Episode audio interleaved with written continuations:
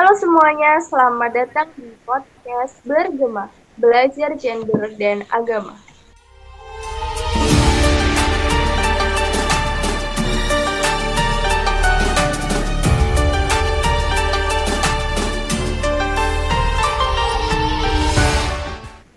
Podcast Bergema ini adalah salah satu podcast dari mahasiswa jurusan Pendidikan Sosial NY tahun 2018.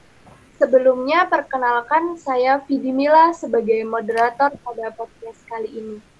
Dan pada hari ini, kita akan berdiskusi mengenai gender dan agama. Mungkin kalau berbicara tentang gender dan agama, yang terbesit di benak kita adalah kesetaraan yang meliputi gender equality, equal pay, atau racial equality.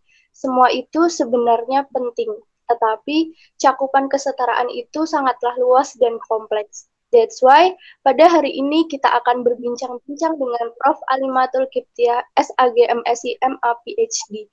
Beliau adalah seorang guru besar Universitas Islam Negeri Sunan Kalijaga, Yogyakarta, bidang ilmu kajian dan gender, untuk belajar tentang gender dan agama secara lebih mendalam. Baik, sekarang kita sedang bersama Prof. Alimatul Kiptia SAG MSI MA PhD. Selamat malam Prof. Selamat malam. Assalamualaikum warahmatullahi wabarakatuh. Assalamualaikum warahmatullahi wabarakatuh. Bagaimana kabarnya Prof di tengah pandemi yang tak kunjung usai ini? Ya, alhamdulillah sehat, tetap waspada, jaga uh, kesehatan, menggunakan protokol kesehatan yang ketat ya, walaupun kita sibuk ya ke sana kemari gitu. Saya tadi pagi baru dari Ambon, besok mau ke Padang gitu ya. Bismillah lah. Semoga selalu diberikan kesehatan dan diberikan kelancaran ya, Prof. Amin. Amin. Nah, uh, langsung saja untuk memasuki topik yang pertama, yakni peran perempuan dalam Islam. Bagaimana sih, Prof, uh, peran perempuan jika dilihat dari sudut pandang Islam karena banyak sekali yang berstatement bahwasanya Islam menegaskan bahwa laki-laki adalah pelindung bagi perempuan. Apa itu maksudnya dan bagaimana sih korelasi dengan perempuan dalam Islam? Gitu, Prof. Oke, ya, uh, di dalam Islam yang dipahami oleh para pemikir-pemikir progresif, penafsir-penafsir progresif ya, yang mana peran perempuan dan laki-laki itu sama ya, baik di area uh, publik, domestik, produksi maupun reproduksi gitu. Hanya saja bentuknya nanti kan mereka akan bersepakat ya dengan uh, apa keluarganya atau dengan pasangannya ketika misalnya itu berperan ya, berperan di area empat hal tadi yaitu publik, domestik, uh, produksi dan reproduksi. Nah, persoalan uh, statement atau pernyataan yang mengatakan bahwa uh, apa laki-laki adalah pelindung perempuan begitu ya, menurut saya ya saling melindungi ya. Tidak selalu kok laki-laki itu gagah perkasa yang dia akan selalu melindungi perempuan. Pada hal-hal tertentu laki-laki pun juga butuh perlindungan gitu. Sehingga menurut saya sih saling melindungi ya antara laki-laki dan perempuan itu gitu kemudian juga saling menghargai, saling mencintai, saling menghormati dan eh, kebaikan-kebaikan yang lain ya itu ada rasa saling di situ begitu ya menurut saya. Sehingga sebenarnya uh, posisi status laki-laki dan perempuan itu setara di hadapan Tuhan, setara uh, di dalam keluarga juga gitu. Kalau seandainya harus ada kepala keluarga, itu sebenarnya bukan ada orang nomor satu, ada orang nomor dua ya, tetapi ya karena itu sebagai fungsi saja, bukan hierarki gitu ya. Baik, terus uh, pertanyaan selanjutnya, bagaimana sih, Prof, cara Islam itu untuk mengatur peran-peran tertentu terhadap perempuan begitu? Apakah ada? Jika ada, bagaimana? Ya, sebenarnya nggak ada peran-peran tertentu yang di, yang paling nggak yang saya pahami ya, karena ya kalau peran pengasuhan ya misalnya yang banyak dipahami oleh masyarakat bahwa peran perempuan itu di ranah pengasuhan dan rumah tangga gitu ya. Tapi menurut saya eh, laki-laki pun ayah atau suami pun juga harus berperan di ranah uh, rumah tangga dan pengasuhan gitu. Karena kalau dalam Al-Qur'an namanya pendidikan itu sebenarnya bukan hanya kewajiban ibu. Ya, pendidikan itu adalah kewajiban ayah dan ibu Bahkan kalau di dalam surat pendidikan itu suratnya Lukman, bukan surat Anisa ya, ya yang mengatakan bahwa wa id qala luqmanu libnihi wa huwa ya'iduhu ya bunayya la tusrik billah inna syirka la dzulmun adzim itu di surat Luqman bukan surat Anisa. Kemudian kalau hadisnya kullu mauludin yuladu alal fitrah ya, bahwa setiap anak itu lahir dalam keadaan fitrah yang menjadikan dia mau seperti apa, itu kan wow di situ. Yang artinya adalah orang tuanya bukan ibunya begitu. Kalau kemudian persoalan pekerjaan-pekerjaan rumah tangga, pekerjaan-pekerjaan rumah tangga itu kan dilakukan dengan tangan, dengan keterampilan ya, bukan dengan alat reproduksi. Ya, kita nyambel kan ya pakai tangan bukan alat reproduksi ya.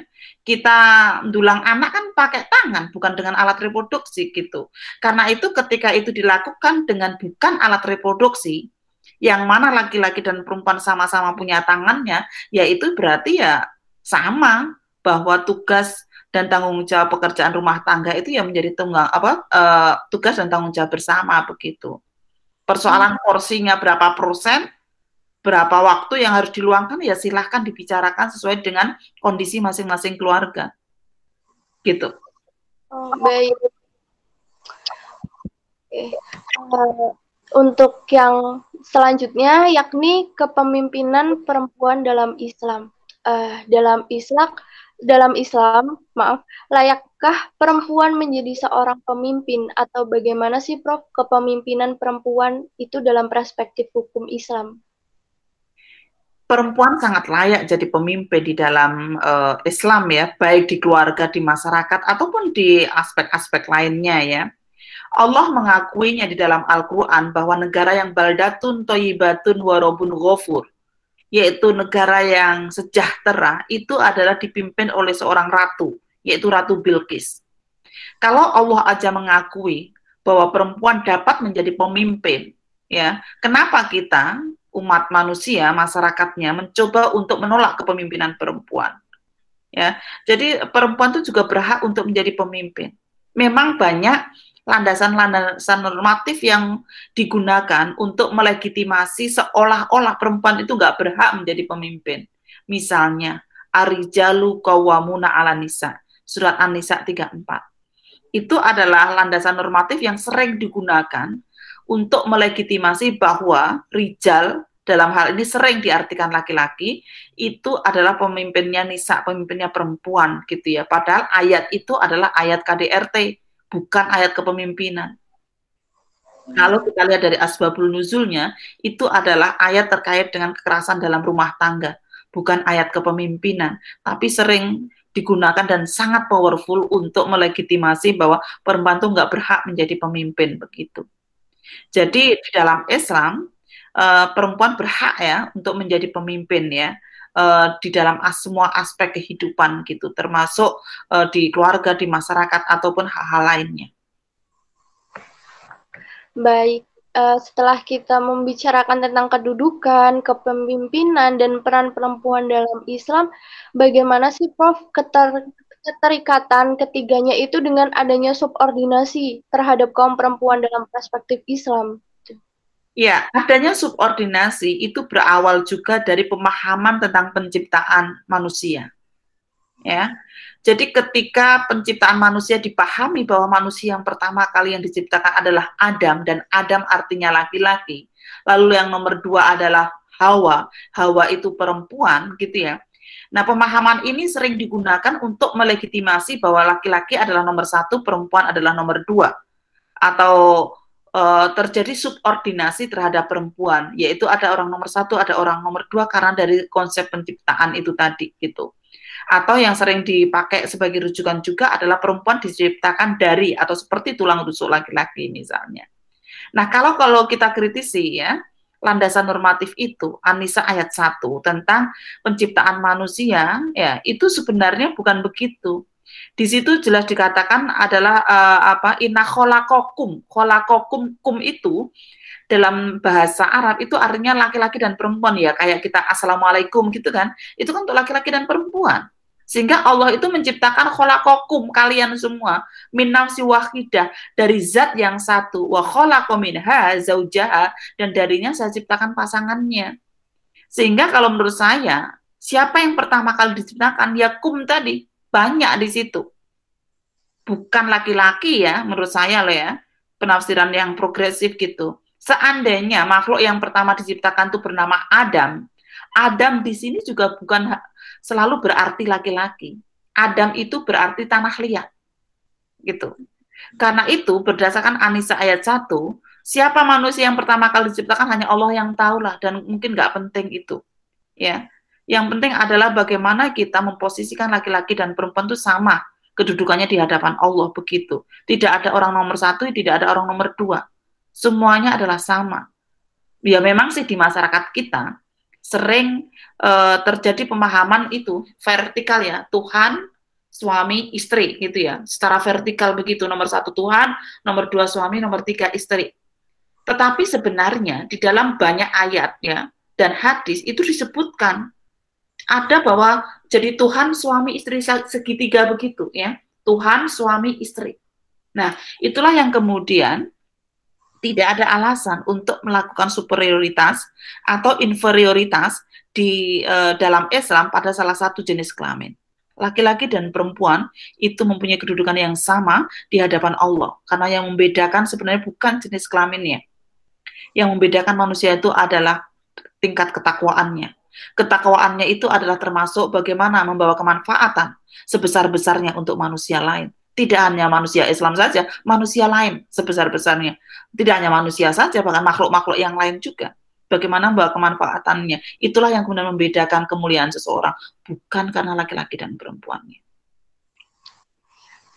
Baik, uh, membicarakan tentang hubungan Islam dengan negara lain. Nah, Indonesia itu adalah negara yang beragam, baik ras, budaya, suku maupun agama.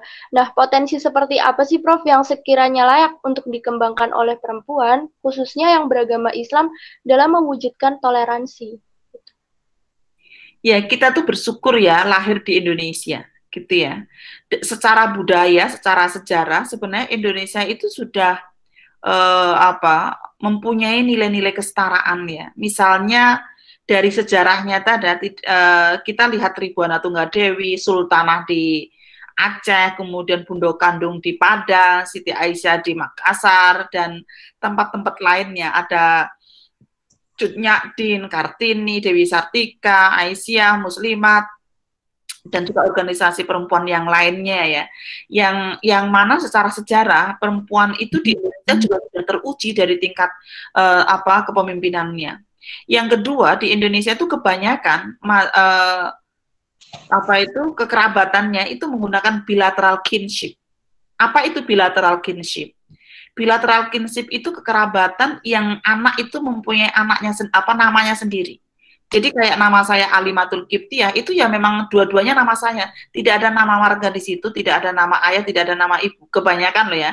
Kebanyakan masyarakat Indonesia itu mem memiliki uh, sistem kekerabatan yang disebut dengan bilateral kinship.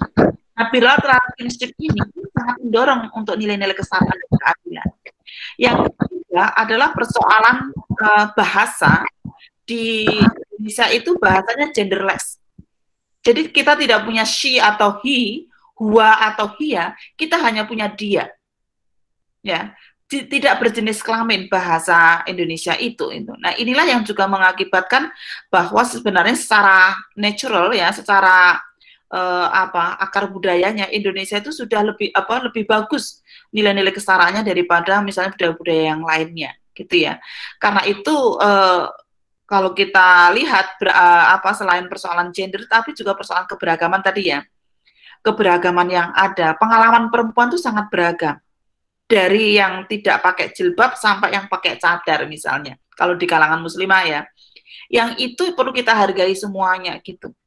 Ya mau mau yang nggak pakai jilbab sampai yang pakai cadar uh, itu ya hak-hak mereka. Namun demikian perlu juga diberikan pemikiran-pemikiran yang kritis di balik selembar baju itu gitu. Jangan sampai karena hanya selembar kain itu lalu menganggap dirinya lah paling benar muslimah yang lain salah dirilah yang syar'i, yang lain salah gitu. Nah, itu yang kemudian perlu dipahami keragaman pengalaman perempuan yang dialami sesuai dengan bagaimana dia dibesarkan, bagaimana sesuai juga dengan bagaimana buku-buku yang dia baca begitu. Karena itu tidak ada kebenaran yang absolut dari pengalaman-pengalaman perempuan itu.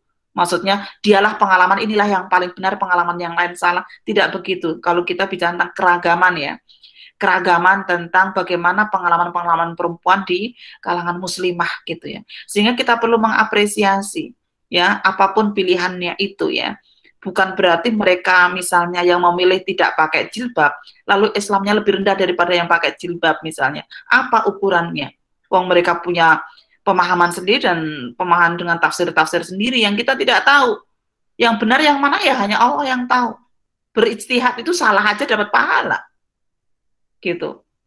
Nah, seringnya kita itu seolah-olah menjadi wakil Tuhan di bumi ini yang menyalah-nyalahkan gitu. Tuhan aja mengakomodir, Nah, kita umatnya yang menyalah-nyalahkan gitu ya. Karena itu sudah waktunya kita untuk tidak berpikir eksklusif. Menganggap diri kita paling benar, diri kita yang paling syar'i, diri kita yang paling masuk surga duluan. Itu perlu kita akhiri, bahwa keragaman perempuan dengan berbagai macam latar belakang itu perlu kita apresiasi. Gitu. Sangat menarik sekali ya, Prof, membicarakan toleransi dalam Islam gitu. Nah, setelah kita membahas banyak hal, mungkin terdapat sebuah pertanyaan inti yang mungkin ini merupakan sebuah pertanyaan yang ditunggu-tunggu jawabannya. Baik, Prof. Uh, tadi kan Prof sudah menjelaskan bahwasanya di dalam Islam itu sangat terdapat kesetaraan gender. Nah, pertanyaannya, bagaimana sih Islam itu memandang isu-isu kesetaraan gender? Uh, apakah eh, isu-isu uh, yang sekarang sedang di se seperti mungkin subordinasi terhadap perempuan yang sudah dijelaskan Prof itu. Nah, terus uh, pertanyaan saya, uh, bagaimana sih seharusnya seharusnya dan yang terdapat dalam Islam untuk memandang isu-isu kesetaraan gender yang ada di Indonesia ini dalam agama? Ya, isu-isu kesetaraan gender dalam Islam itu ya tergantung Islam yang dipahami oleh siapa. Ya, kalau Islam yang dipahami oleh kalangan tekstual konservatif, dia tidak akan menerima nilai-nilai kesetaraan gender itu. Tapi kalau Islam yang dipahami oleh kalangan moderat progresif, dia sangat mendukung nilai-nilai kesetaraan dan keadilan gender itu. Kita perlu membedakan antara Islam dan Muslim. Ya, Islam itu sangat ideal, menjunjung tinggi nilai-nilai kesetaraan dan keadilan, tetapi implementasinya ketika dipahami oleh masyarakat Muslim oleh umatnya yang itu kemudian berbeda gitu sehingga terjadi distorsi-distorsi ya terjadi pengurangan-pengurangan makna daripada substansi yang ada dalam Al-Qur'an itu sendiri. Jadi kalau ya kalau saya sih yang saya pahami Islam yang saya pahami itu adalah Islam yang menjunjung tinggi nilai kesetaraan dan keadilan. Karena inna akromakum indallahi atqakum. Yang paling mulia itu adalah yang bertakwa laki-laki dan perempuan itu sama-sama punya kewajiban untuk beribadah kepada Allah, untuk menjadi pemimpin di muka bumi ini, ya, uh, khalifatu fil art, dan juga punya hak untuk mendapatkan pahala ketika dia beramal soleh. Dia pun juga akan menerima uh, balasannya ketika dia tidak melakukan amal soleh. Ketika dia mendolimi, memaksa orang, merendahkan orang lain, maka entah laki-laki entah perempuan dia juga harus bertanggung jawab dalam Al-Quran sebesar zarroh pun. Ya. Fama ya'mal miskola dzarratin khairan wa may ya'mal miskola dzarratin syarran sebesar zarah pun kebaikan itu pasti akan ada balasannya. Dan sebesar zarah pun kejahatan itu keburukan itu juga pasti ada balasannya gitu. Nah itulah menurut saya ini tidak melihat jenis kelamin ya tidak melihat jenis kelamin. Jadi Islam yang saya pahami adalah Islam yang menjunjung tinggi nilai kesetaraan dan keadilan laki-laki dan perempuan dalam semua aspek kehidupan. Salah satu cara untuk bagaimana uh, menjunjung tinggi nilai kesetaraan dan keadilan itu adalah bagaimana kita para laki-laki ya mencoba untuk membantu meringankan beban berat yang diemban oleh perempuan dalam tugas-tugas reproduksi karena tugas-tugas reproduksi itu tidak dapat dipertukarkan kepada laki-laki. Menstruasi, apa hamil, melahirkan, nifas, menyusui itu nggak dapat digantikan oleh laki-laki. Karena nggak dapat digantikan, ya atas nama keadilan dan kesetaraan, ayo kita bantu untuk meringankan beban itu. Salah satu cara meringankan ya bukan laki-laki lalu, lalu ikut hamil ya, uh, apa laki-laki ikut menstruasi bukan begitu cara meringankannya. Ya, cara meringankannya adalah bagaimana ketika menjadi seorang pembuat kebijakan menyediakan pembalut-pembalut di tempat-tempat P3K-nya misalnya, walaupun dia seorang laki-laki. Itu sudah meringankan bagaimana beban menstruasi yang dialami oleh perempuan itu. Kalau misalnya sedang hamil, bagaimana pembuat kebijakan memberikan cuti hamil yang proper. Menjadi seorang istri, ya seorang suami, ketika istrinya hamil, bagaimana menjadi suami siaga. Ketika melahirkan, bagaimana menemaninya ketika menyusui bagaimana ikut bangun malam untuk membuatkan roti tawar dan susu untuk istri yang sedang menyusui misalnya. Itu adalah tugas-tugas yang dapat meringankan. Ya, dapat meringankan tugas-tugas reproduksi yang dalam Al-Qur'an itu dikatakan wahnan ala wahnin wa yaitu sesuatu yang berat ya dan berat sekali karena itu perlu diringankan. Karena itu memang ada hak-hak perempuan juga yang mempunyai perhatian khusus ya terutama yang terkait dengan eh, kebutuhan-kebutuhan praktis baik yang terkait dengan uh, tugas reproduksi yang diembannya ataupun sesuai dengan kebutuhan-kebutuhan praktis di mana budaya itu berada yang terkadang uh, masih menempatkan perempuan pada posisi uh, apa banyak mengatur rumah tangga dan banyak mengatur uh, pengasuhan misalnya. Ketika posisi itu maka dalam buat kebijakan bagaimana disesuaikan dengan uh, situasi existing gender role yang ada di masyarakat. Saya pikir itu, Mbak. Baik, sangat menarik sekali untuk uh, mungkin ini untuk kesimpulan uh, diskusi yang sedang kita lakukan, ya Ibu. Uh, terima kasih Ibu sudah membantu kami. Uh, sekali lagi terima kasih yang setulus-tulusnya kepada Ibu yang sangat sibuk sudah meluangkan waktunya kepada kami. Gitu. Kami hanya bisa mengucapkan terima kasih dan mohon maaf jika mengganggu waktu Ibu. Gitu. Wow, sangat luar biasa sekali ya jawaban-jawaban yang diberikan oleh Prof. Alim. Um, mungkin masih banyak ya di antara kita yang masih terbelenggu oleh pengetahuan yang masih harus selalu selalu selalu dan selalu diperbarui. Benar bahwasanya peran perempuan dalam sudut pandang Islam menurut para pemikir dan penafsir progresif adalah sama dengan laki-laki, baik di area publik, domestik, produksi, maupun reproduksi.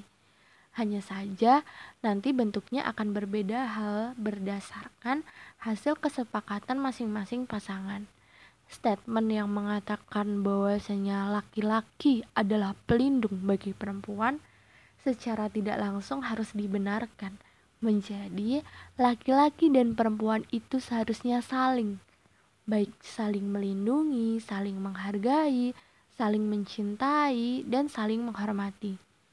Sehingga sebenarnya posisi dan status itu setara baik di keluarga maupun di hadapan Tuhan. Adanya subordinasi terhadap perempuan berawal dari pemahaman akan penciptaan manusia itu sendiri. Padahal, laki-laki dan perempuan mempunyai kedudukan yang sama di hadapan Tuhan, karena yang membedakan kedudukan itu bukanlah jenis kelaminnya, melainkan tingkat ketakwaannya dan yang termasuk di dalamnya salah satunya memberikan kebermanfaatan yang sebesar-besarnya bagi makhluk hidup lain. Itulah yang membedakan kedudukan manusia, bukan jenis kelaminnya. Berbicara mengenai isu kesetaraan gender dalam perspektif Islam itu sangat beragam. Hal ini bergantung pada Islam yang dipahaminya. Jika Islam yang dipahami di kalangan tekstual konservatif, hmm, tentu saja mereka tidak akan menerima kesetaraan gender. Tetapi jika Islam yang dipahami oleh kalangan moderat progresif, mereka sangat-sangat mendukung adanya kesetaraan gender. Dan yang paling penting, perlu dibedakan Islam dengan Muslim.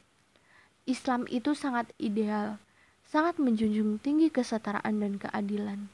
Tetapi, jika implementasinya dipahami oleh masyarakat Muslim, oleh umatnya, yang itu pada akhirnya akan berbeda sehingga terjadi distorsi-distorsi makna daripada substansi yang ada pada Al-Quran itu sendiri. Nah, pada akhirnya kami sepakat dengan Prof. Alim bahwasanya Islam yang kami pahami adalah Islam yang menjunjung tinggi nilai kesetaraan dan keadilan, baik laki-laki maupun perempuan dalam semua aspek kehidupan. Laki-laki dan perempuan sama-sama punya kewajiban di hadapan Tuhan untuk menjadi pemimpin di muka bumi ini.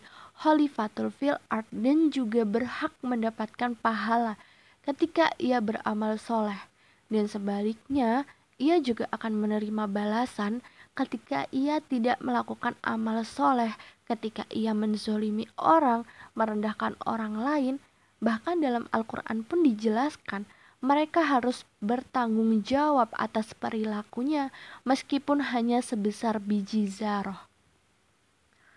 Wow, sangat luar biasa sekali ya Islam ini.